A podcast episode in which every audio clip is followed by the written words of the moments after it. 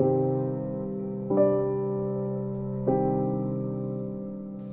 Perkenalkan nama saya Beatrice Elizabeth kelas 6B. Pada hari ini saya akan menceritakan tentang Proklamasi Kemerdekaan Indonesia. Proklamasi Kemerdekaan Indonesia dilaksanakan pada hari Jumat, tanggal 17 Agustus 1945 tahun Masehi atau tanggal 17 Agustus 2605 menurut tahun Jepang yang dibacakan oleh Insinyur Soekarno dengan didampingi oleh Dr. Muhammad Hatta bertempat di sebuah rumah hibah dari Farad bin Said bin Out Martak di Jalan Pegangsaan Timur 56 Jakarta Pusat. Kata-kata dan deklarasi proklamasi tersebut harus menyeimbangi kepentingan-kepentingan internal Indonesia dan Jepang yang saling bertentangan pada saat itu.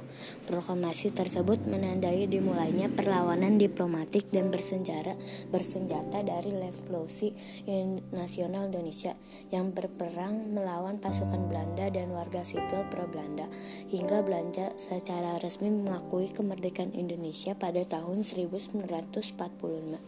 Pada tahun 2005, Belanda menyatakan bahwa mereka telah memutuskan untuk menerima secara de facto tanggal 17 Agustus 1945 sebagai tanggal kemerdekaan Indonesia. Namun pada tanggal 14 September 2011, pengadilan Belanda memutuskan dalam kasus pembantaian Rawa Gede bahwa Belanda bertanggung jawab karena memiliki tugas untuk mempertahankan penduduknya yang juga mengintegrasikan bahwa daerah tersebut adalah bagian dari Hindia Timur Belanda bertentangan dengan klaim Indonesia atas 17 Agustus 1945 sebagai kemerdekaannya.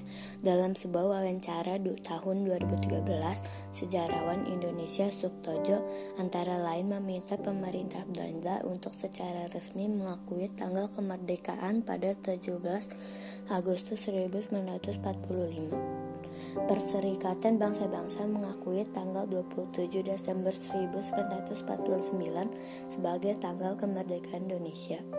Naskah, naskah proklamasi ditandatangani oleh Soekarno yang menuliskan namanya sebagai Soekarno yang menggunakan ortografi Belanda dan Muhammad Hatta yang kemudian ditunjuk sebagai presiden dan wakil presiden berturut-turut sehari setelah proklamasi dibacakan. Dan sekian, terima kasih.